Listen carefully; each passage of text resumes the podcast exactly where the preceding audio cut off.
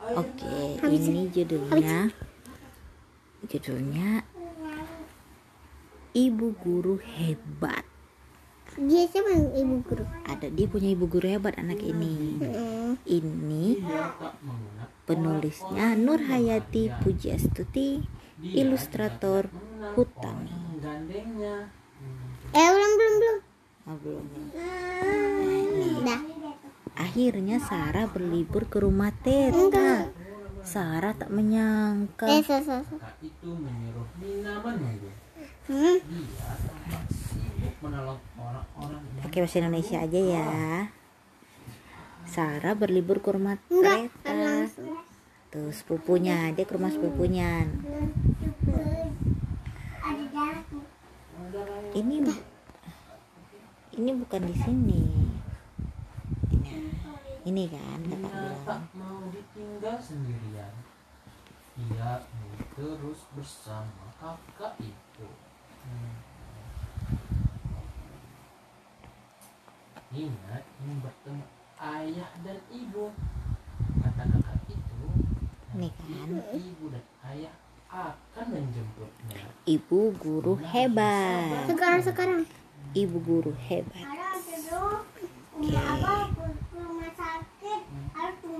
Oh iya. Akhirnya sampai di rumah Reta. Ini kali pertama Sarah mengunjungi sepupunya itu. Sarah, Enggak, i- dia Nino ya. Nino ya. iya, Ini ibu dia ini tuh Nino ya. iya dia menginap ke rumah sepupunya. Sarah datang dari jauh, dari Ottawa, Kanada. Reta langsung berseru, oleh-oleh dari video kanal, tempat berwisata naik perahu, memancing dan bermain ski. Sarah terkejut, bagaimana Reta tahu? Reta bilang guru lesnya pernah bercerita tentang tempat itu. Hmm, banyak sekali makanan menarik. Sarah mulai dari mana ya? Sepertinya salad salad buah itu menarik. Kata Reta namanya rujak. Rujak itu ternyata pedas. Minum. Sarah perlu minum. Kata Reta, penghilang pedas itu garam, air hangat, atau susu. Guru lesnya yang memberitahu. Benar juga. Pedas di mulut Sarah langsung reda. Dia kasih apa nih? Ga- garam. Wah, hebat ya guru les Reta. Sarah ikut pergi ke warung. Reta membawa keranjang belanja. Gurunya yang memberitahu untuk mengurangi pemakaian plastik. Hmm, Sarah ingin kenal guru Reta. Berapa yang harus dibayar Reta? Reta langsung menghitung dengan jarinya. Dengan jari kan dia itu? Bukan main. Angka yang disebutkan Reta sama dengan hasil hitungan kalkulator. Reta bilang guru lesnya mengajari cara menghitung cepat. Bagaimana caranya? Sarah bisa bertemu guru Reta. Be patient, kata Reta. Reta juga bisa bahasa Inggris. Lagi-lagi guru lesnya yang mengajarkan. Asyik, Sarah boleh ikut Reta les tanpa daftar, tanpa bayar. Semudah itu. Eh, sapu itu untuk apa? Eh, sapu itu untuk apa ini? Eh, tulisannya. burung Mereka juga akan pergi les. Lucu juga, bawaannya tidak hanya buku. Kata Reta, gurunya tidak bisa membersihkan rumah sendiri. Aneh, aneh. Sarah ingin cepat sampai. Bagaimana kalau mereka berlari saja? Lari. Kerbuk temennya jatuh. Tenang saja, Bu Guru punya obat buat lukamu, kata Reta. Sarah semakin tidak sabar ingin bertemu guru Reta. Oh, temannya kenapa nih? Luka. Luka kakinya tuh, ah, om sampah Enggak dibantu dibantu kakinya. iya di- dia dibantu sama temennya kan jalan Eh, sam Di- sampah ini dia bawa punya ini. iya bawain ke bocah ya. namanya kak malah. Itu guru Reta. Gurunya gurunya ngapain kak? Mm-mm, sakit baring.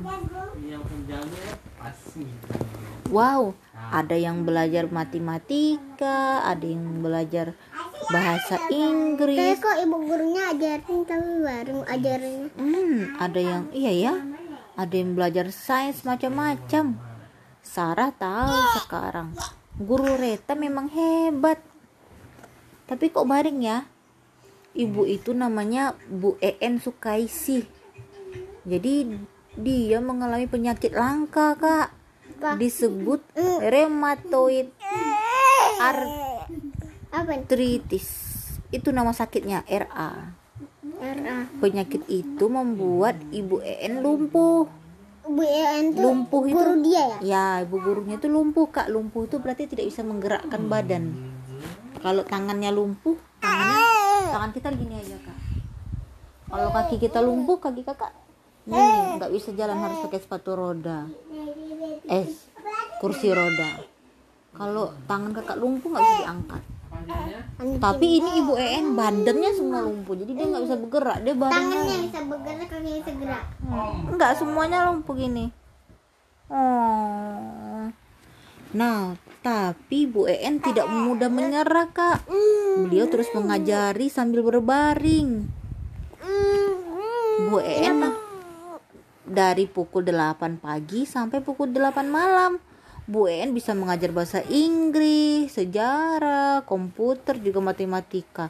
Siapa saja boleh datang ke rumahnya, mulai dari murid SD Kenapa sampai SMA. sekolah? Kok nggak sekolah? Iya. Mm, Mereka cuma les aja. Enggak. Dia, mereka mereka dia Itu Hah? dia teman-teman teman teman-teman ini ini Belajar di rumah juga bisa bikin pintar loh, Kak. Mimi Loh. mereka ke rumah gurunya karena gurunya nggak usah jalan terus Hmm. ke kelas makanya mereka kelasnya di itu Kayak kakak, kakak nggak sekolah gurunya di mana? Mm, di rumah Di rumah. Di- Kalau sama Omi kakak belajar bisa sambil duduk kayak gini. Tuh temennya sambil apa? duduk Nih. Temennya yang wajah hijau nih. Dari baring. Gitu kan kalau kita sekolah di rumah boleh. Tetap pintar ya kan? Dia pintar kan? Dia tahu oleh-oleh itu datangnya dari luar negeri. Dia tahu eh, si eh, Reta ini dia bisa bahasa Inggris. Dia bisa menghitung dengan cepat. Dia tahu cara menghilangkan pedas. Itu yang ngajarin siapa? Ibu gurunya di rumah aja. Hmm. Itu ini mau lagi mau lagi mau Oke. Nih. Kucing Beno hilang. Ternyata ada monster. Kucing dibawa monster. Beno mengejar monster.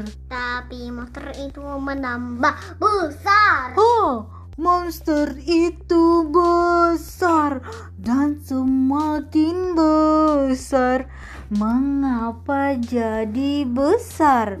Apa penyebabnya? Ayo kita cari tahu kenapa monster itu bertambah besar. Apakah Beno berhasil hmm, mendapatkan kucingnya kembali? Ayo kita baca buku ini. Judulnya Monster, kembalikan kucingku. Penulis Gin Teguh. Ilustrator Nafi Nurrohma. Tuh. Tuh apa gambarnya tuh? Dia melihat apa nih sebenarnya di di belakang dia? poster Ma- mau makan Hmm. Sudah saatnya kucing Beno makan tuh. Beno lagi ngapain tuh? Namun, di mana dia? Sejak pagi, Beno belum melihatnya. Tuh, Beno membawa apa nih? Makanan kucing. Makanan kucing ya? Pu- Push. Beno Push. memanggil Kucing. kucingnya.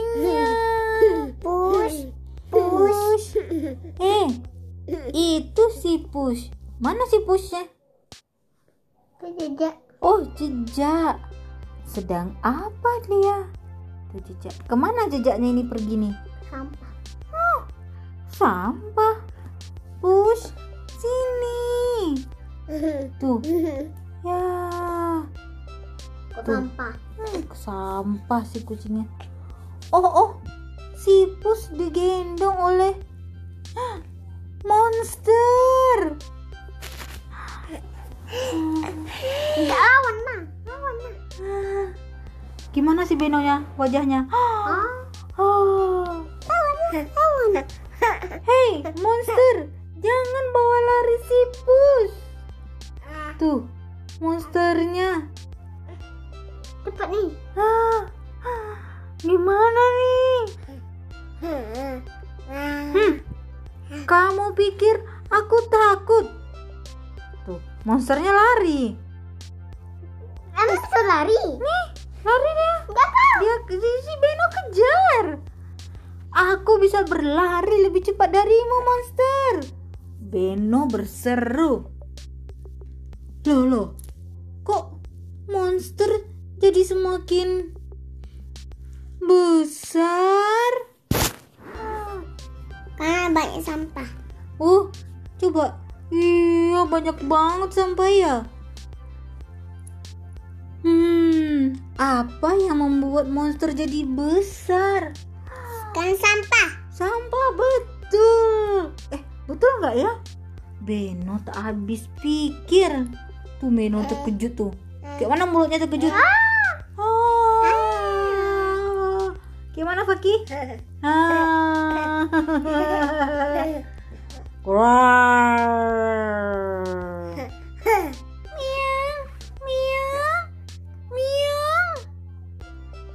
Tuh, si pusnya mana jadinya? Ada yang lihat si pus? Oh, ah, sampahnya jadi besar. Aku luka ada Monsternya apa aja tuh? Ada ada ban. Ada kulkas juga. Kalau kalau kalau. Jangan takut, Pus. Aku akan menyelamatkanmu. Beno terus mengejar. Aduh. Hah. Monsternya bawa apa tuh? Hmm, malah mengejar si Lari ke sana.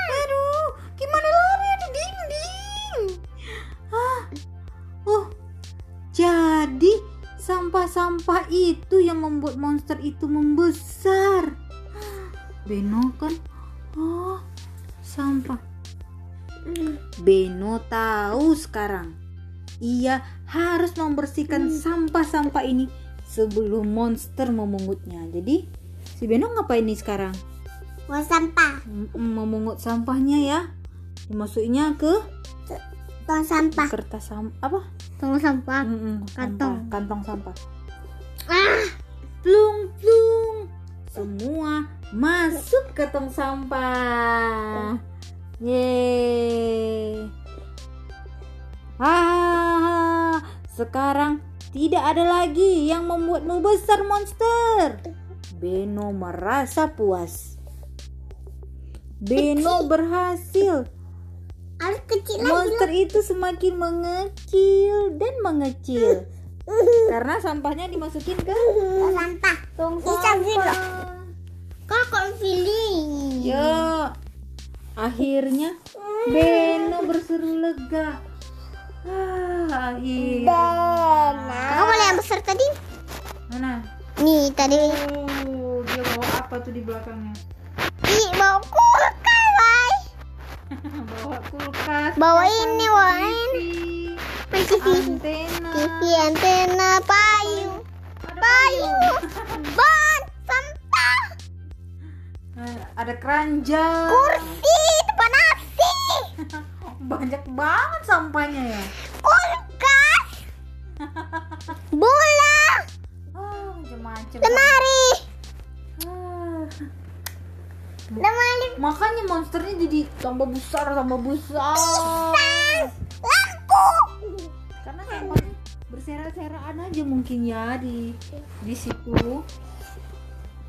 pelep pelep Nah, ya semakin kecil. Iya. apa pakai ambil dua minum. Galon ya. galon. Pintu eh pintu bawah. Ah Apa pintu Tapi Lampu. sudah jadi kecil kan? Mm-mm. Tuh, akhirnya Beno berseru lega. Tinggal apa aja lagi tuh di sampahnya? sampah sini Lampu. Apa lagi? barang lain udah ya apa dibuang Hmm. eh Sipus berhasil keluar sekarang. tapi sedih eh Hmm, tadi kalau kalian loh kok orangnya bisa bicara bukan bicara sampahnya. Sampahnya kayak Dan- hidup gitu, besar, makin besar gitu. terus terus dia. Jangan, kok kesel Tuh kalian Tuh Dia hidup Dia hidup Ini buka mulut Makanya si Beno tadi takut gitu Hah, mundur gitu dia karena kayak dikejar gitu dia sama ininya kak sama Tuh Sampahnya. semakin sedih ya karena dia jadi kecil jadi kecil. Dan kecil lagi. Sampai sipusnya sipus berhasil keluar Kalau kotor tuh. sekarang. Sepertinya kok ada Monsternya sedih? Kenapa sipusnya jadi Eh kotor? kok? Tuh apa tuh? Lampu. Yang ini. Apa? Bungkus permen Mai, kenapa sipusnya jadi kotor? Karena tadi dia ke lampu sampah Tuh tinggal tinggal satu lampu. Pasti kamu sudah lapar. Beno menyambut kucingnya.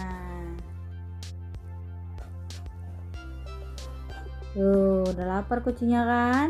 Mana tadi Tuh. Uh, baunya. Gara-gara monster, tugas Beno bertambah. Sebelum diberi makan, Pus harus dimandikan. Sama Sasila lagi Harus dimandikan Iya, jadi bau lah dia.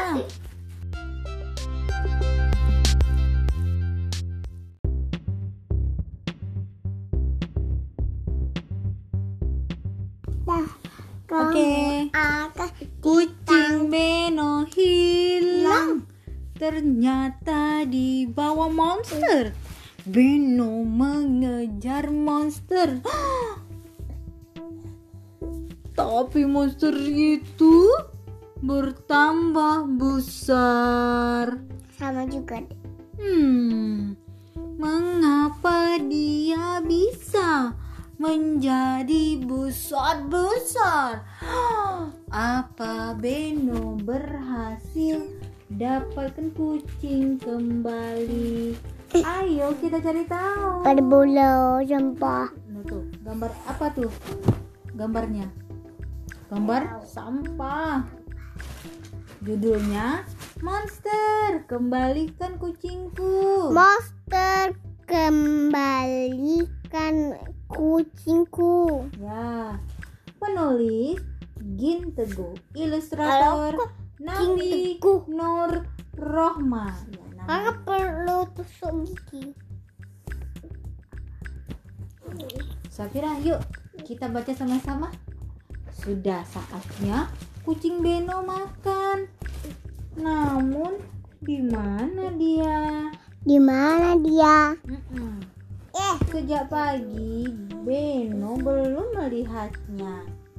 Push, push, push. Push. Hei, Hei. itu sipus. Mana sipusnya? Tidak. Oh, jejaknya.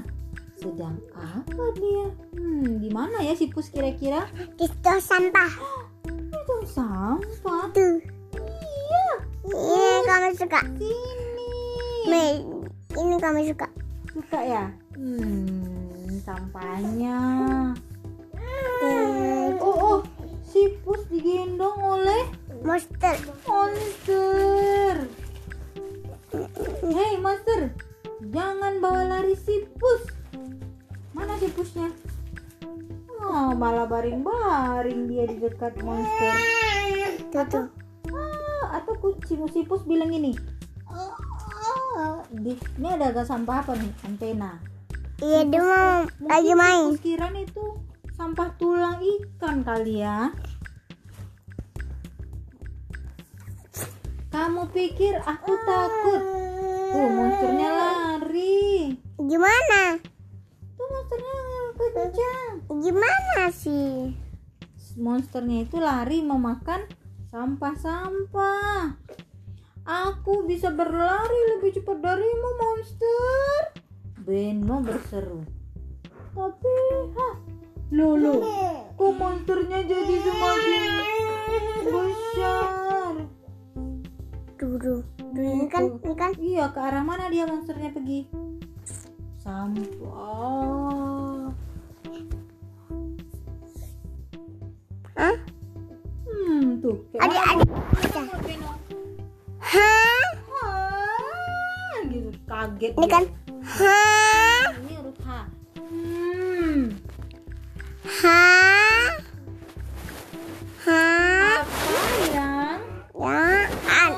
Membuat Wah. monster jadi besar.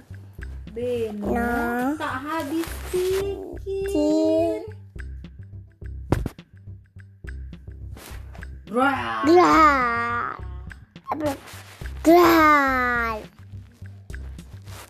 ya apa dia monster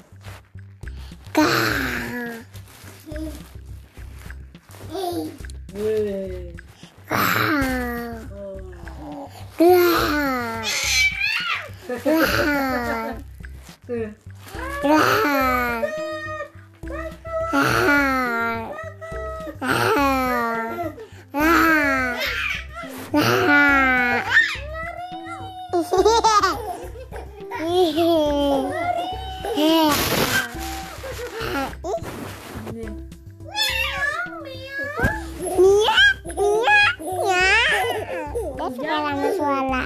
jangan takut pus aku Pus. akan menyelamatkanmu mana si pusnya bus, bus. Eh, dia besar. Ah, selamat. Ah. Udah bawa TV lagi nih. Ah, bawa apa dia di sampahnya? TV, Ke TV ini, TV ini, bola, ban, apa lagi? Apa lagi? bayi. Ah. Gigi depan kakak ini kayak gigi bayi. Ada payung, ada ada pipet, Ah. Banyak sampah di situ ya. Sampah apa lagi? Tadi kan ada pak minyak kan? Iya, ada pok mie kan. Nah. Aduh. Wah, monsternya sepertinya malah mengejar Aduh, Beno. aduh, Mina, Mina itu apa? Beno itu nama dia. Iya, kok kucing? lalu kucingnya kan ada Ini apa? Oh, Oh, ah, jadi di sampah-sampah sampah itu tuh. Yang membuat monster itu membesar. sar. Aku melihat. Lu? Beno tahu sekarang. Lalu dia ngapain tuh? Buang sampah ke tempat sampah. Oh iya, Kul pisang, gumi, subi, suma, botol, kumpulnya sama sampah itu. kuku Kok ada banyak? Iya, sampah tuh berserak-serak banyak jadi. Ada banyak nih? tambah besar, tambah besar, besar, besar, besar. Besar, Lagi. besar, besar. Lari, lari, dia suka lari. Tuh, gitu kan? Besar. Jadi, Dia harus membersihkan sampah-sampah ini sebelum monster memungutnya. Plung plung. Semua masuk ke Plung plung. semua Terus masuk ke tong sam tong sampah. betul ke tong sampah Nih, hahaha sekarang tak ada lagi yang membuatmu besar monster. Beno merasa puas. Tapi monsternya malah ngapain tuh? Sedih. Mau sedih sambil mengejar Beno. Ah, lari Benonya cepat Beno lari. Lalu? Terus? Nih? Itu udah dibaca dari sekarang. Tak ada lagi yang membuatmu besar. Monster Beno merasa puas.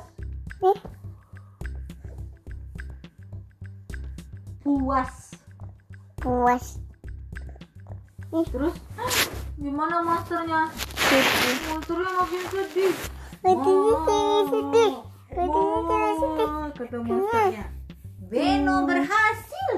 Monster itu semakin mengecil dan Ada mau kecilkan, ada mau kecilkan. kalau kita mau kecilkan monster kita harus jadinya Ada mau kecilkan ini. Ada mau kecilkan ininya. oh nanti ya Ada mau kecil ini. Oh, mau kecilin juga ya lalu Eh, kecilin. akhirnya Bukan, bukan sedikit. Kecil gini. Kecil gitu. plung plung Eh, bisa aja ada mau. semua sampah masuk ke tong sampah Beno berhasil akhirnya Beno kan? berseru dengan tuh kucingnya jadi bisa apa tuh Keluar. bisa keluar Keluar. Huh, si pus berhasil keluar sekarang Kenapa dia?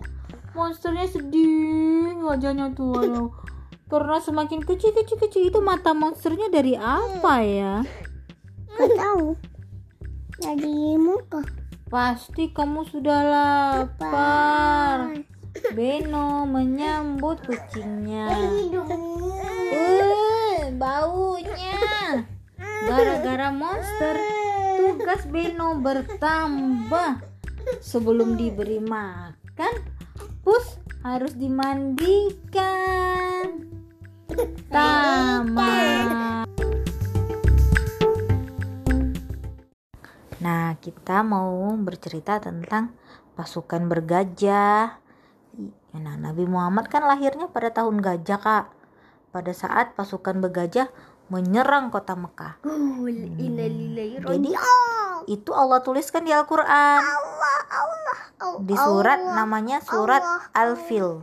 Alfil. Artinya gajah. Artinya gua aja. Gini bunyi suratnya. Bismillahirrahmanirrahim. Alam taro kaifa fa'ala rabbuka bi ashabil Fafa itu fil. burung. Bukan. Burung itu Memo bobo. ada mau bobo. Hmm, nih. Fafa. Alam itu apakah tidak? Taro itu kamu perhatikan kaifa bagaimana fa'ala bertindak. Jadi alam tarokai itu fa fa'ala rabbuka fa fa kaifa fa'ala. Jadi bagaimana bertindak. Nah, itu artinya. Oke, siap. Oh, ngantuk ya Naomi. Umi pupuk-pupuk ya. Tapi Umi sambil bacain ini ke kakak boleh? Nih, alam taro kaifa fa'ala rabbuka bi ashabil fil? Tidakkah engkau Muhammad perhatikan bagaimana Tuhanmu telah bertindak terhadap pasukan bergajah? Ini gajah. Iya. Alfil itu artinya gajah. Alfil. Iya. G Ga- G A A J G G A J A H gajah. Yes, benar. Pintar Naomi. Alam yaj'al kaidahum fi tadlil. Bukankah dia ah mana tadi? Bi ashab tentara terhadap golongan tentara Burung yang bergolong-golongan. berbondong-bondong tadi. Bondong. Nah, jadi artinya Apa ini kenapa? tidakkah Kenapa ini? tidakkah engkau Muhammad memper tidak apakah kamu tidak memperhatikan terhadap Tuhan? Bagaimana Tuhanmu telah bertindak terhadap tentara gajah? Nah terus jadi gini ini Allah kan sudah memberikan anugerah kepada kaum Quraisy yang tinggal di Mekah itu kak. Nah karena Allah telah menyelamatkan mereka eh, ini nikmat yang dianugerahkan Allah kepada kaum Quraisy karena Allah telah menyelamatkan mereka dari serangan tentara bergajah yang sejak semula bertekad merobohkan Ka'bah dan meratakannya dengan tanah hingga tiada bekas-bekasnya lagi. Nah, jadi Allah menyelamatkan orang yang dia merah ya? Harusnya Quraisy itu syaitan. Tidak, Quraisy itu masyarakat. Iya, benar ya? Coba foto. Nggak bisa lagi baca cerita tuh. Kakak bacain ayat surah Al-Quran. Tadi ada tadi mau ngantuk. Oh lagi sih. Nah. Nah tapi Kuras itu suku yang tinggal di Yang baik, yang baik, baik, baik. mereka nggak baik. Mereka sukunya Nabi Muhammad. Suku, suku tuh kayak jahat-jahat. Gitu. yang tinggal di situ. Kayak kita kan ada orang Padang ada orang Jawa gitu kan kak ini namanya orang Quraisy Umi nggak ada peluk kakak Tadi. Pas Umi tadi. Nah, Allah memusnahkan tentara bergajah itu, Kak. Ini cerita lah. Ini. Ini merupakan nikmat yang telah dianugerahkan oleh Allah kepada kaum Quraisy. Karena Allah telah menyelamatkan mereka dari serangan tentara bergajah yang sejak semula telah bertekad akan merobohkan Ka'bah dan meratakannya dengan tanah hingga tiada bekas-bekasnya lagi. Maka Allah memusnahkan mereka dan menjadikan mereka kalah serta usaha mereka menjadi sia-sia. Begitu pula tiada begitu pula tiada hasilnya dari kerja mereka. Allah mengusir mereka dengan cara yang buruk dan akibatnya mengecewakan. Mereka adalah kaum Nasrani dan agama mereka saat itu lebih mirip keadaannya dengan apa yang dilakukan oleh orang-orang Quraisy yaitu menyembah berhala. Peristiwa ini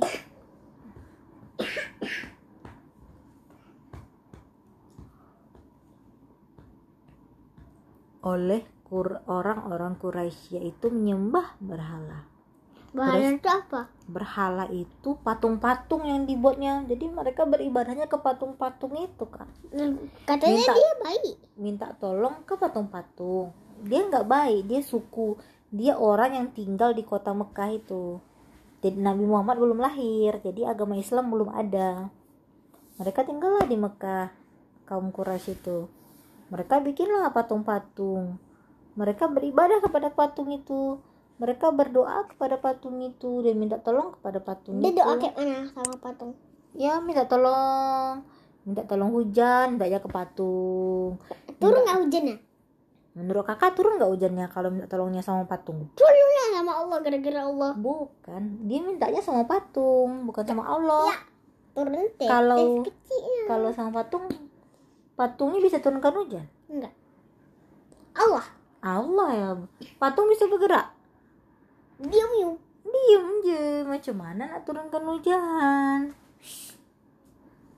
Nah, tuh jadi peristiwa ini terjadi sebagai irnas dan pendahuluan bagi diutusnya Rasulullah Shallallahu Alaihi Wasallam. Sallallahu ini Shallallahu Alaihi Wasallam. Ini Allah. Ini Allah Subhanahu Wa Taala. Di tahun jadi karena sesungguhnya di tahun itu Nabi Muhammad menurut pendapat yang terkenal dilahirkan dan seakan-akan takdir Allah telah Nabi- menetapkan Nabi lahir dari mana? Orang yang mana? Orang yang mana? eh, orang Quraisy juga ibunya. Ibunya orang Quraisy. Iya, sukunya Quraisy. Tinggalnya di Mekah, kakeknya orang Quraisy. Kok semua Quraisy? Sar? Iya di di Mekah itu yang tinggal semuanya orang Quraisy kan? Habis- Nabi Muhammad belum lahir Habis habis Muhammad lahir, Habis tumbuh Muhammad orang-orang yang lahir. yang ramah. habis Muhammad lahir dia jadi orang yang jujur dan terkenal di seluruh kota Mekah lalu saat dia besar Allah turunkan agama Islam kepada dia begitulah Diturunkan ya ratu-ratusan enggak? Apanya Orang-orang yang muslim, muslim.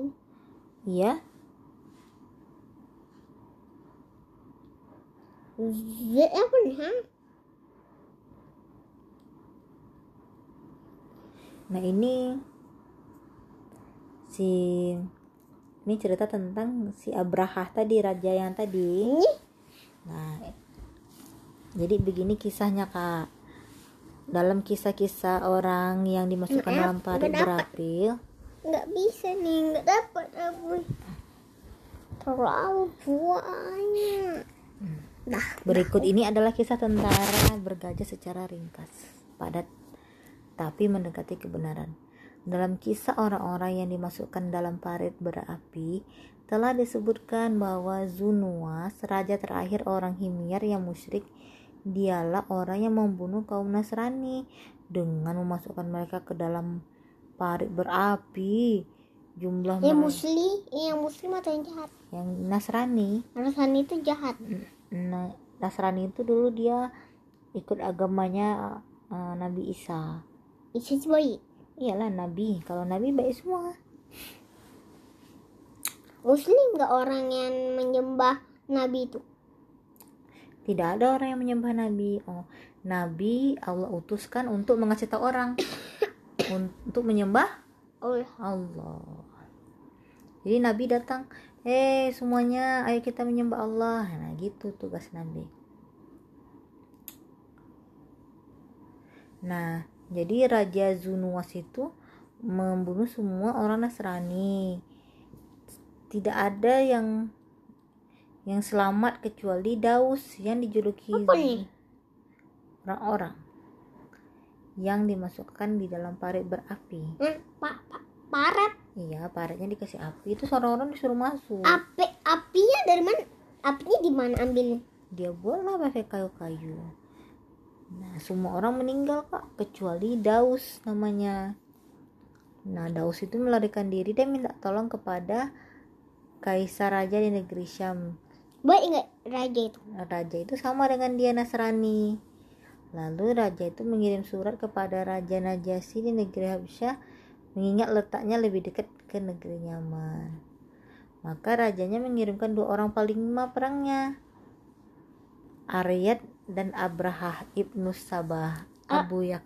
Ab, kata Abraham jahat. Iya ya tadi. Jadi kan dulu ada tempat kak, ada ada raja yang membunuh banyak orang kan kak. Hmm. Tapi ada yang selamat satu, yang selamat ini pergi lari minta tolong ke sini ke Yaman, tolonglah kami gitu. Akhirnya si raja ini menyuruh orang lain untuk menolongnya. Yang, yang raja ini jauh kan di sini. Nah disuruhnya orang yang dekat sini tolong, eh tolonglah orang itu ditolong. Si Abraha ini yang pergi nolong, yang Abraha yang bawa gajah tadi kak, Yang jahat, yang jahat. yang yang yang udah bawa udah gajah. dia.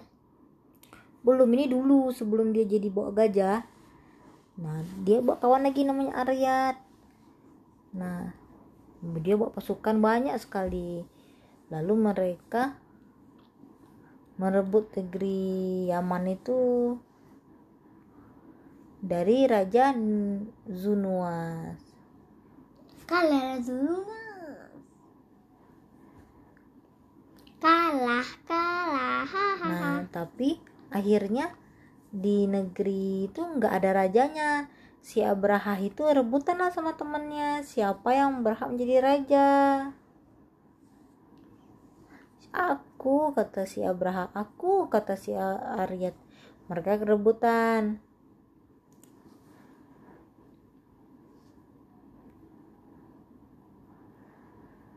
Terus nih, Nah,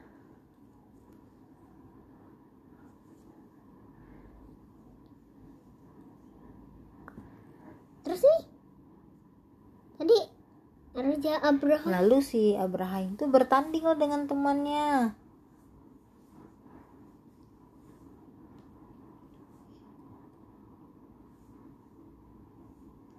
Malah malah marah marah. Masing-masing. Masing-masing tempatnya. Apa nih? Masing kisah ar kisah baik berdua berbeda tinggal satu di Cina ya satu ini baik Indonesia barat kita Inggris. Inggris juga baik terima kasih. Wassalamualaikum warahmatullahi wabarakatuh. Selamat menunaikan ibadah puasa suci akilah mufas. Nah jadi seru kak ini ceritanya kak. Jadi akhirnya si Raja Abra eh si Abraha ini mm, bertarung dengan temannya. Temennya baik atau jahat? Sama yang mengalahkan ini yang sama-sama ingin jadi raja. Hampir aja si Abraha ini kena sama? Sama kawannya ini hampir kalah si Abraha ini. Tapi Abraha ini curang kak. Adalah anak buahnya yang mendorong panglima itu. Akhirnya yang si Abraha lah yang menang. Jadi dia curang lombanya. Gitu padahal mulut dan hidungnya sudah kena pedang si Abraha ini. Udah berdarah? Udah. Apa yang berdarah lagi? Hidung dan mulut nih. Hidung dan mulut Abraha. Nah. Lalu raja berdarah nggak? Hmm, berdarah lah kan kena pedang. Nah setelah itu raja Najasi atau Negus berkirim surat kepadanya yang isinya mencela perbuatannya itu. Jadi dia curang kan? Lalu raja itu bersumpah bahwa dirinya akan menginjak-injak negeri Yaman dan membelah ubun-ubunnya. Nah tapi si Abraha ini pandai pula. Abraham membalas suratnya dengan nada memohon belas kasihan dan berdiplomasi, seraya mengirimkan hadiah-hadiah, cenderamata, dan kantong yang berisikan tanah negeri Yaman serta potongan rambut ubun-ubunnya.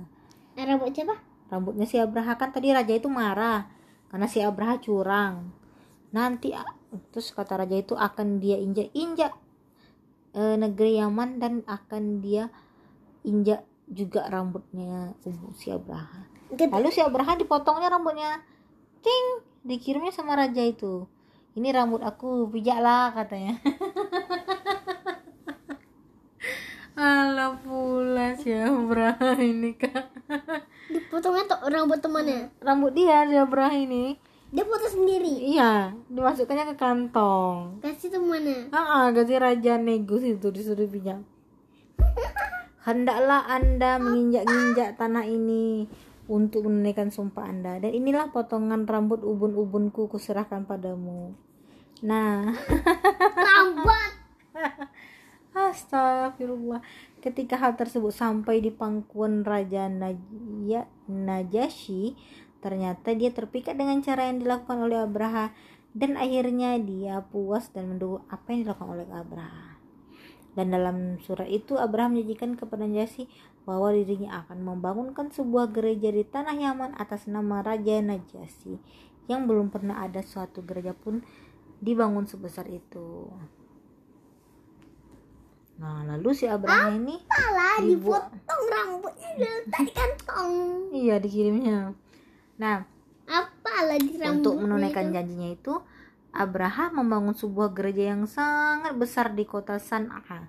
Bangunannya tinggi sekali, dipenuhi dengan berbagai ukiran dan pahatan. habis buat yang satu lagi buat lagi satu lagi buatnya lagi buat Nah, jadi dia bikinin gereja untuk raja itu.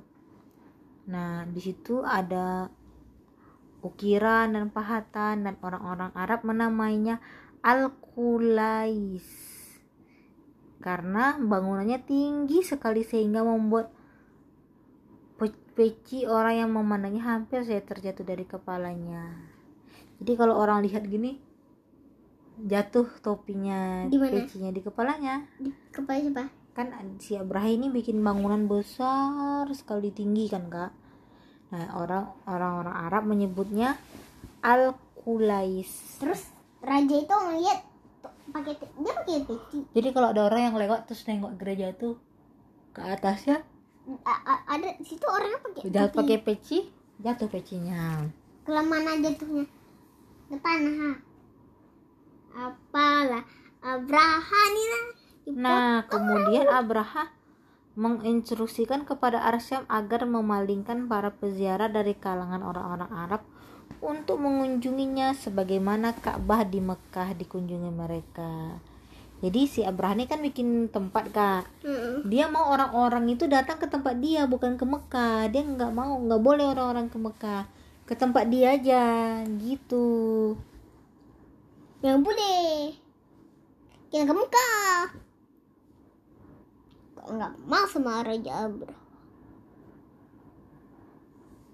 Z- Zaz Nah, jadi jadi orang Quraisy dan orang-orang Arab lainnya tuh tidak setuju sama idenya si Abraha ini. Masa orang ini jadi pindahnya ke tempat si Abraha kan mereka beribadahnya di Ka'bah. Lalu mereka diam-diam masuk ke dalamnya dia menimbulkan peristiwa menggemparkan lalu mereka pulang lagi ke Hijaz. Marah lah Ya, lalu mereka melapor. Ketika para pelayan gereja melihat peristiwa tersebut, mereka melaporkan kepada rajanya, yaitu Abraha, dan mengatakan kepadanya bahwa sesungguhnya yang melakukan peristiwa tersebut tiada lain adalah kaki tangan orang-orang Quraisy, karena mereka marah dan tidak suka dengan adanya gereja itu yang dianggap menyaingi kepunyaan mereka. Maka Abraha bersumpah bahwa dirinya benar-benar akan menuju ke Ka'bah di Mekah dan benar-benar akan menghancurkannya batu demi batu hingga rata dengan tanah. Gitu. Jadi karena Mekah mau dihancurkan dengan batu rata rata dia menghancurkan bata batu demi batu hingga rata dengan tanah. Padahal kan eh, Ka'bah itu sudah lama ya ada kan. Udah udah udah tersapu nih. Bisa diambil. Enggak enggak ada. Akar apalah apa? Abraha dipotong rambut dia tak kantong di kiri sama temannya. Mm-mm. apa Abraha dipotong rambut. Dikasih sama temannya. Apa Abraha nih? Seru-seru ceritanya. Nih ini sakit nih Iya. Oh, jangan dikopek. Nah, lalu kenapa si Abraha ini marah? Muqatil Ibnu Sulaiman menyebutkan bahwa ada seorang pemuda dari kalangan Quraisy memasuki gereja besar di Yaman itu. Lalu ia membakarnya. Jadi gereja si Abraha ini dibakar oleh orang Quraisy. Sedangkan di hari itu cuaca sangat panas. Maka dengan mudahnya gereja itu terbakar hingga ambruk. Karena peristiwa itulah Abraha bersiap-siap menghimpun bala tentaranya dalam jumlah yang sangat besar. Lalu dia berangkat dengan pasukannya itu dengan maksud agar tiada seorang pun yang dapat menghalang-halangi niatnya. Selain dari itu, ia membawa seekor gajah yang besarnya tak terperikan. Diberi nama Mahmud. Gajah tersebut sengaja dikirim oleh Raja Najasyi kepadanya untuk tujuan tersebut. Bahkan menurut pendapat lain selain gajah Mahmud ada delapan gajah lainnya. delapan Dan menurut pendapat yang lainnya lagi 12 ekor gajah. Hanya hanya Allah lah yang Maha mengetahui. ada Allah di kerinya. Jadi di kenapa kiri dia bawa gajah tadi ke Mekah untuk apa? menhancurin? Ka'bah kan. Gajah tersebut akan dijadikan sebagai sarana untuk merobohkan Ka'bah. Misalnya mengikat semua sisi Ka'bah dengan rantai, lalu mengikatnya pada leher gajah, maka gajah akan menariknya dan tembok Ka'bah akan runtuh sekaligus dalam waktu yang singkat. Ketika orang-orang Arab mendengar keberangkatan Abraha dengan pasukannya yang bergajah itu, maka mereka merasakan adanya bahaya yang amat besar akan menimpa diri mereka.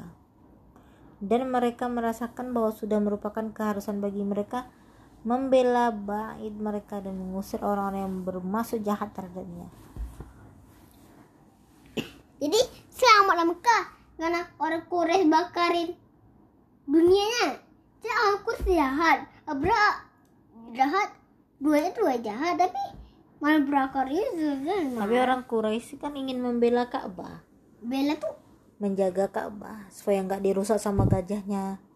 Abraham Abraha. malah jadi bahaya ya dibakar pakai apa dia bakar nih Ru apa istana Abraha seru ceritanya Iya. Jadi si Abraha ini kan mau menyerang Ka'bah kan, dia bawa pasukan banyak. Dia bawa gajah besar-besar. Teling gede-gede bela belala gede panjang Jadi orang Arab jadi takut kan. Arab Lalu aduh maka bangkitlah seorang lelaki dari kalangan penduduk Yaman yang terhormat dan terbilang sebagai pemimpin mereka untuk mengadakan perlawanan terhadap Abraha. siapa namanya Orang tersebut ada bernama Zunafar. Maka ia menyebutkan kepada kaumnya dan orang-orang Arab lainnya untuk memerangi Abraha dan berjihad berarti melawannya. Abraha kecil segini orang yang baik Wo- sebuah sebanyak sebanyak sebesar atau kita Abraha segini Tapi lawan kan mereka Abraha bawa gajah. mereka bawa Enggak, enggak punya. Kan Abraha yang punya. enggak mereka pakai pedang di bawah ada pedang Ya, Muhammad lagi tidur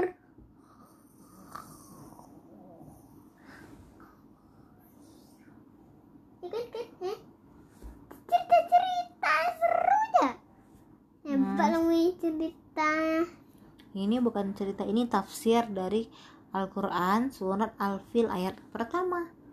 Beginilah Al-Quran. Di Al-Quran itu banyak diceritakan tentang Nabi, tentang hewan-hewan dalam Al-Quran. Selain gajah nanti ada lebah. Pokoknya seru. seru Al-Quran itu adalah tempat kita mencari tahu segala macam Dan- ilmu. dan dalam surga Ya, kalau kita rajin membacanya dan tahu pintar, insya Allah Allah kasihkan kita surga surga. Aduh kak, maaf ya kak, mata Umi nggak bisa dibuka lagi. iya Udah ngantuk. So. Bismillahirrahmanirrahim. balik ini Biji, oke Umi balikin. Biji semangka ajaib. Kita membaca dari literasicloud.org. Judulnya Biji Semangka Ajaib. Penulis Putri Wijayanti, ilustrator Dewi Trikusuma. Penerbit Kemendikbud. Balik ini Oke. Balik, balik, balik kan biar panjang gitu ya. Ah, Muhammad, Muhammad geser dulu kan. Ini dia. dengan apa Biji semangka ajaib. Tuh, itu gambar apa? Biji semangka. Pohon kok bisa semangka ini buah semangka. Ada apa dari kak buah semangkanya? Ngom, ngom. Ada orang tikus mana orang? tuh Umi nggak lihat orang, kakak lihat orang. Kok Umi ada orang itu di depan tuh Yang mana? di depan tuh. Yang ini. ya Yang ini ada orangnya. Yang ini keadaan ada hewan-hewan. Mana tikus? Itu burung. Burung. Sarang burung. Sama? kucing makan itu dia. Muzakir dan Dermawan adalah kakak beradik dari keluarga petani yang kaya raya. Almarhum ayah mereka memberi mereka kebun jeruk yang sama besar. Jadi kebun jeruknya sama. Sebelah sini satu, sebelah sini satu kan? Beliau juga berpesan bahwa mereka harus saling mengasihi satu sama lain. Muzakir harus menjaga adiknya Dermawan. Jadi abangnya siapa? Sifat mereka sungguh berbeda. Dermawan sangat pemurah sehingga dia memberikan benih jagung kepada burung-burung. Sebaliknya, Muzakir sangat pelit. Katanya setiap benih harus ditanam agar menghasilkan jagung sebanyak mungkin. Tuh. Dermawan, jangan bagi-bagi jeruk hasil panen itu.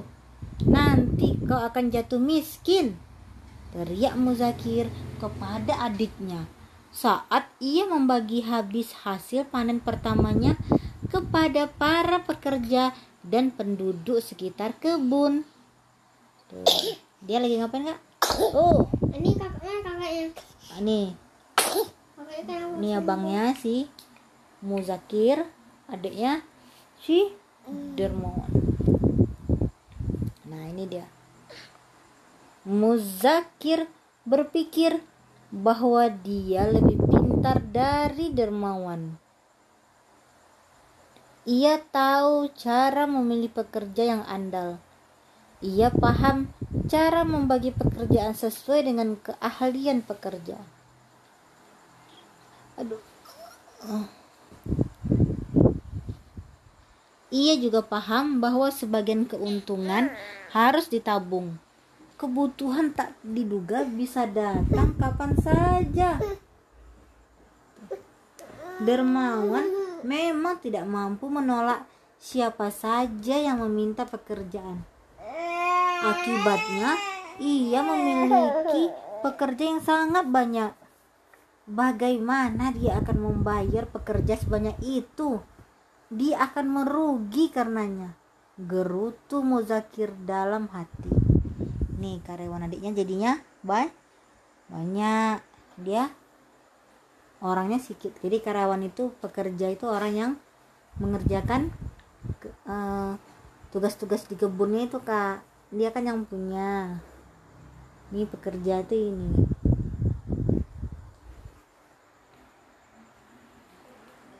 Musim hujan tiba. Jalan ber- menjadi berlumpur dan truk tidak bisa masuk ke ladang.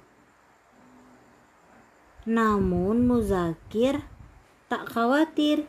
Ia dapat menyewa truk yang besar dengan uang tabungannya untuk membawa jeruknya ke kota. Sementara itu Dermawan sangat khawatir. Dia tidak punya uang untuk menyewa truk besar. Hmm, bagaimana ya? Dia akan Bagaimana dia akan memanen jeruk dan yang punya adik adik yang punya uang. enggak abangnya yang punya kakaknya kakaknya kan menabung tadi jadi kalau hujan dia pakai uang tabungannya untuk sewa truk. Sedangkan adiknya yang baik itu yang suka bersedekah itu tak punya tabungan. Jadi dia nggak bisa sewa truk. Jeruk-jeruk dermawan menumpuk dan membusuk. Dermawan pun harus memberhentikan para pekerjanya. Saya merugi.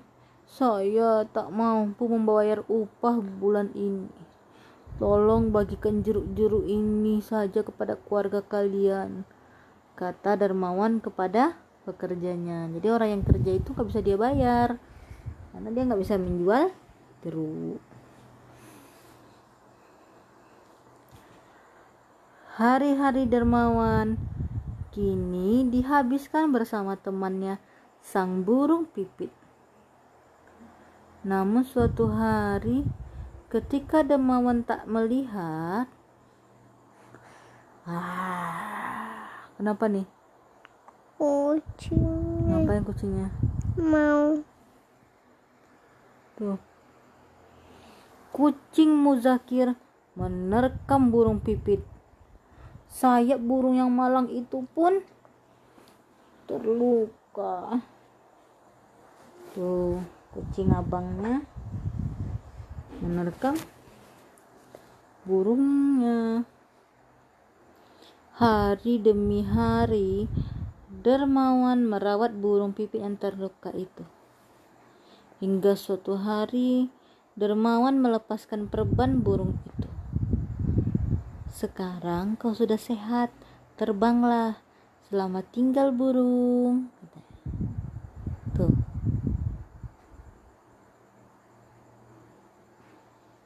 keesokan harinya burung pipit itu kembali. Tuh ngapain ngasih apa dia nih. Allah ngasih biji. Tuh. dia menghampiri dermawan dan menjatuhkan sebuah biji berwarna keemasan ke tangannya. Dermawan kemudian menanamnya di kebun. Ternyata itu adalah biji semangka. Biji semangka itu terus tumbuh.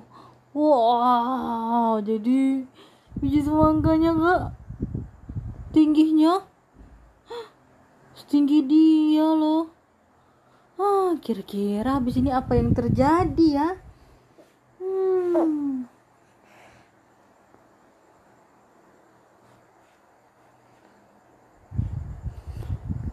Tuh, tumbuh dan terus tumbuh. Dermawan tak sabar ingin memotong-motong dan membagi semangka itu kepada tetangga dan kerabat. Namun, betapa terkejutnya Dermawan. Bukan daging buah yang merah yang dilihatnya, tetapi butiran emas dan perhiasan. Wow, dengan butiran emas ini aku bisa membayar upah para pekerjaku. Aku bisa mengurus lagi kebun jeruk. Aku Dan akan ter- ternyata dalam semangka tuh emas emas. dan perhiasan. Wah, ternyata aku akan membeli lahan untuk menanam semangka. Aku juga akan menanam jagung untuk makanan burung-burung sahabatku. Hmm. Pikir Dermawan.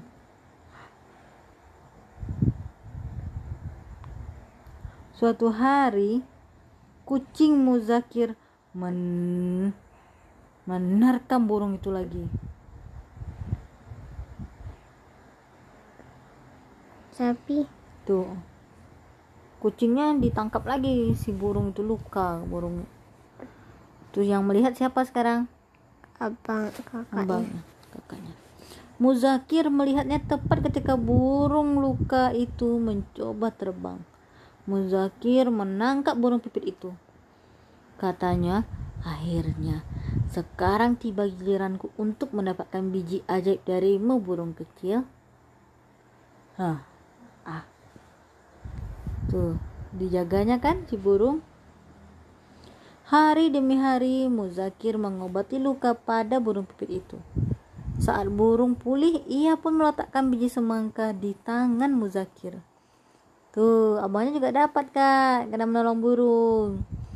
Muzakir segera menanam biji semangka itu dengan riang. Hmm, betapa beberapa minggu berlalu, semangka milik Muzakir siap untuk dipetik. Ukurannya bahkan lebih besar dari semangka milik Dermawan. Muzakir tak sabar ingin melihat isinya. Tuh. Muzakir membelah buah semangka raksasa itu. Sungguh mengejutkan. Bukan emas atau perhiasan yang ada di dalamnya, melainkan lumpur dan kotoran yang bau sekali. Dermawan menghampiri Muzakir yang terlihat malu. Ia menggenggam beberapa biji semangka. Kak Muzakir, mari kita tanam biji dari buah semangka ajaibku ini di tanahmu, katanya. Muzakir berterima kasih kepada Dermawan. Ia berjanji akan membagi ilmunya kepada Dermawan agar menjadi petani yang lebih baik. setiap tahun Ini Mu- kecil. ya ini semangkanya yang betul-betulan lagi semangka buah bet- betulan semangka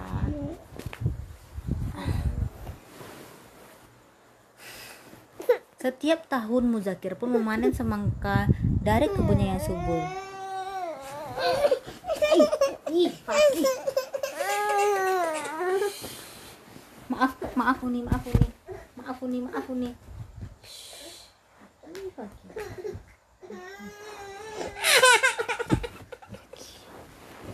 Udah, udah, udah, udah, maaf maaf. Maaf sakit ya. Maaf maaf. Maaf, maaf. maafin dia maafin dia ya. Dia nggak tahu ya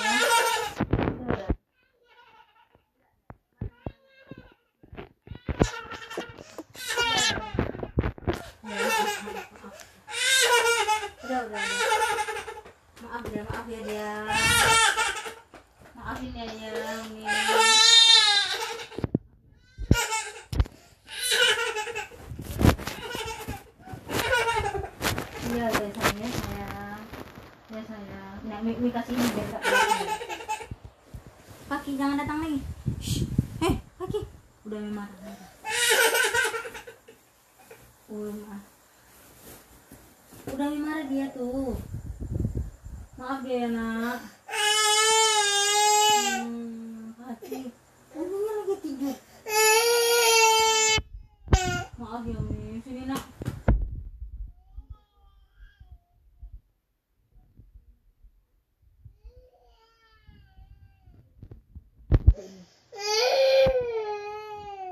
Iya, iya. Paki sini.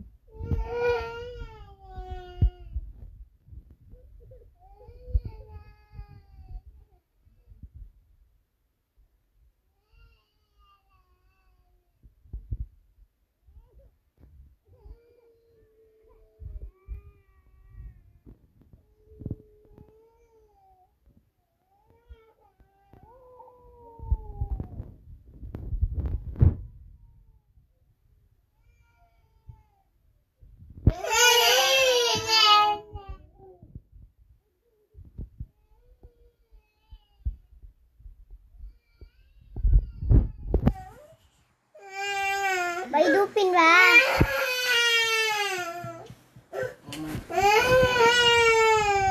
Enggak, enggak, enggak, enggak, maaf dia ya nak. Udah, udah dimatikan, udah dimatikan, udah dimatikan. Ini mau cerita. Mau cerita semangka tuh nih. Ini mau semangka. Taman. Ya, sini. Uni mau apa?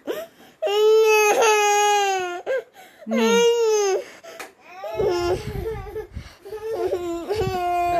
Nih. Uninya ngantuk.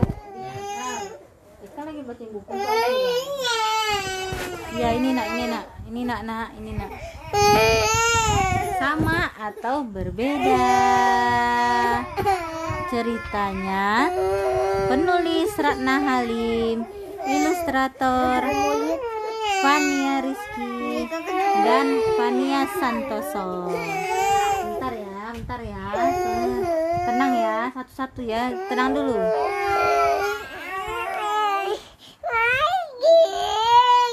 Udah, udah, udah pergi, udah pergi. Uni lagi yang tenang. Uni lagi tenang. Oke, shh. tunggu dulu. Maaf ya. Udah, udah, dia sudah pergi. Udah putus tuh nanti. Sudah ya. Dia sudah pergi. Udah nggak jadi baca ya? Nggak ada nak, udah pergi nak. Di luar apa nak? Apa? Apa yang sakit sayang? Mana yang sakit? Sini Miss. Oke, Assalamualaikum warahmatullahi wabarakatuh. Hari ini kita baca buku dari Room to Read literacycloud.org Judulnya Jadinya apa nih? Rumah Baru Umang. Diterjemahkan, ah, umang, umang-umang, hewan umang ini Ngakin nggak mau udah tadi. Bukan. Ayo kita lihat yuk. Tuh, penulis Eli Lingga, ilustrator Calitahin. Tereng. Balik. Aku Umang si kelomang. Kelomang itu yang kayak yang jalan cik, cik, cik, cik, dijual di pasar. Punggungnya warna-warni. Diba-diba tuh. Eh, Dia mirip ya sama kepitingnya. Eh, ada yang nangis. Ah, ak- aku jumpa rumah baru. Mana? Nah, baca. Aku Umang. Benda apakah ini? Apakah ini bisa menjadi rumahku? Gak bisa. Udah be? Wah. Eh. Uh.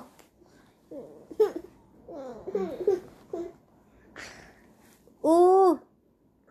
Ini terlalu Besar. besar.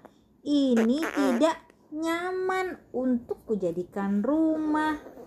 Wah, apa itu berkilauan di sana? Apa yang dia lihat? Ini botol Hmm. kaca. Benda apakah ini? Apakah ini bisa menjadi rumahku? Bisa bisa. Akan ku coba. Apakah ini cocok menjadi rumahku? Cocok cocok. Ini tidak nyaman untuk kujadikan rumah. Coba ku cari di dalam air. Hmm. Lihat, ada sesuatu yang bagus.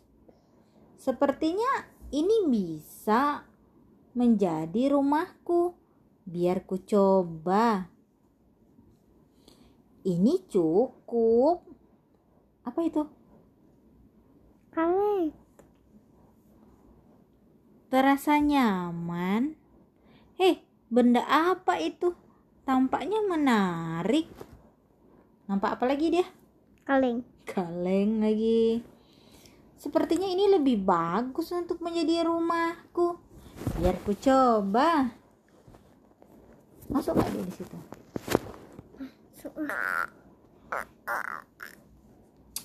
Uh, benda ini makin lama terasa berat. Ternyata sulit menemukan rumah yang pas di dalam air. Aku akan mencarinya di sepanjang pantai. Hah, ke mana dia lagi? Lihat teman-temannya. Ah, teman-temanku sudah menemukan rumah baru. Hmm. Lihat. Ah, betul. Sepertinya ada sesuatu yang pas untuk menjadi rumahku. Benarkah ini akan terasa lebih nyaman? Akan ku coba. Hore! Akhirnya aku menemukan rumah yang pas dan nyaman. Tuh, dia tuh sebenarnya kayak keong laut gitu, namanya kelomang. Gitu, Kak. Gitu ceritanya deh. Nah. Ayo, kita baca cerita. Itu kakak. Kita baca di literasi.cloud.org. Room to read judulnya Barani di Danau Raksasa. Oh, penulis email Danaumi, ilustrator Singgi Cayo Jatmiko. King king kung kung king kung kung. Kecil, kecil. Ada pesta Danau Toba dan lomba perahu di Pulau Samosir. Barani mengajak Uli pergi ke sana. Dia ingin melihat solu bolon sampan besar yang gagah. Hah? Bersampan ke seberang? Uli ragu-ragu. Kata orang, danau itu tempat tinggal raksasa. Ada monster ikan, begu ganjang, juga naga penunggu danau. Namun Barani tidak takut. Ia malah bersiap-siap. Uli pun memberanikan diri. Lugahon hamida parau, ulason hamida allogo. Melajulah hai perahu, angin tiuplah kami sampai jauh. Dayung-dayung sampan melaju, dayunglah cepat solu bolon menunggu. Eh, ada apa di sana? Serbalang. Monster ikan kah itu? Monster ikan di situ.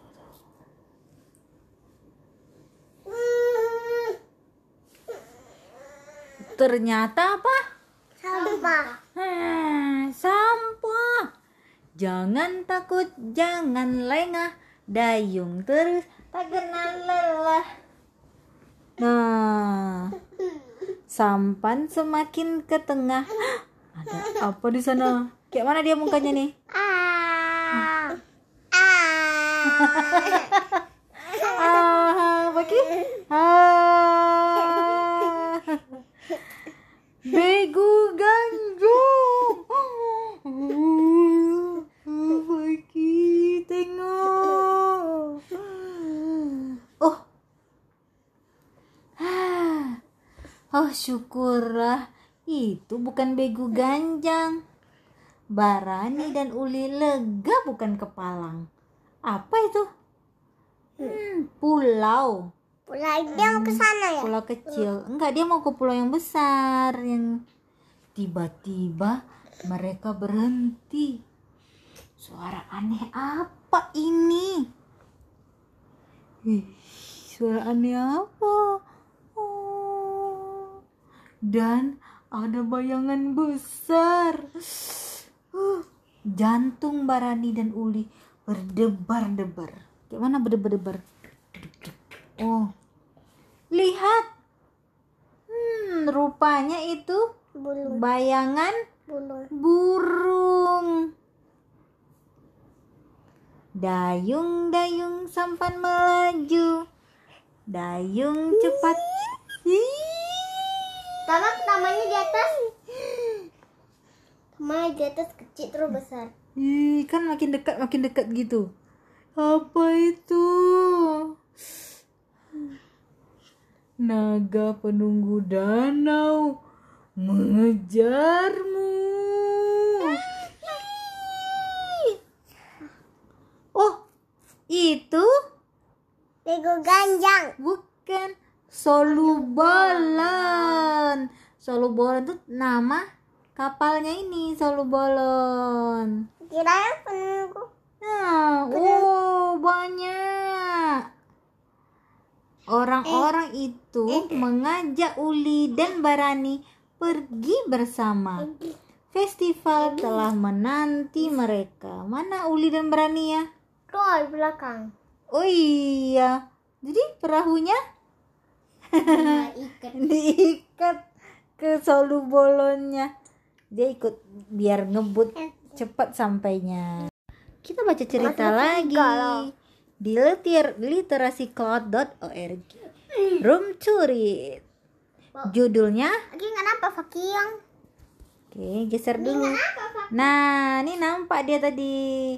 Judulnya Pendatang Baru. Penulis Mikirnya nampak gara-gara Faki tutup. Hmm. Sabarlah, sini kakak duduk dekat Umi. Ramnya nau warat aduh aduh, aduh, ketimpa berat-berat. Penulis namanya Nawarat. Ilustrator Ranga Maharaci. Cik ah. Oke, Maharaci. Wah, siapa nih yang ramai nih? Pendatang baru ini mereka berdua Siapa yang pendatang baru kira-kira? nggak tahu. Ini di mana nih kayaknya? Mereka lagi haha cerita cerita. Ceritanya kayaknya seru semua ketawa. Tuh. Kok buru-buru? Kamu tidak tahu ya? Apa burung Raja Wali tidak bilang padamu? Siapa nih yang nanya nih? Ada pendatang baru. Siapa namanya? Hah? Ayo cepat lihat pendatang itu. Apa ia akan jadi teman kita? Apa perlu kita memberi hadiah? Kita lihat dulu pendatang itu. Seluruh binatang bergegas dan saling mendorong. Ayo, ini bak teman balunya kan? Belum, belum lihat. Ayo lebih tinggi untuk bisa melihatnya. Ini mereka buru-buru bergegas. Ini kan ada nih. Bergegas tuh cepat-cepat semuanya cepat-cepat bercepat-cepat ingin melihat teman baru. Seluruh binatang berkumpul di tengah hutan. Monyet menunjuk pendatang baru itu. Lihat, lihat. Mereka semua melihat pendatang baru itu dan tertawa terbahak. Kayak mana tertawa terbahak? Iya. Eh, berdempetan di dekat induknya, pendatang baru itu sedang menyusu. Siapa pendatang barunya? Anak-anaknya. Wah, ternyata pendatang barunya Anak-anaknya. mm, bayinya ibu gajah. Ini pendatang barunya. Jadi dia baru datang. Jadi semuanya tuh melihat, pengen melihat bayi gajah. Udah lahir bayinya, dia lagi nyusu. Ada melolot. pendatang baru kirain siapa pendatang barunya ya kak ada hewan baru ke Iya taunya ada yang baru lah Hihi.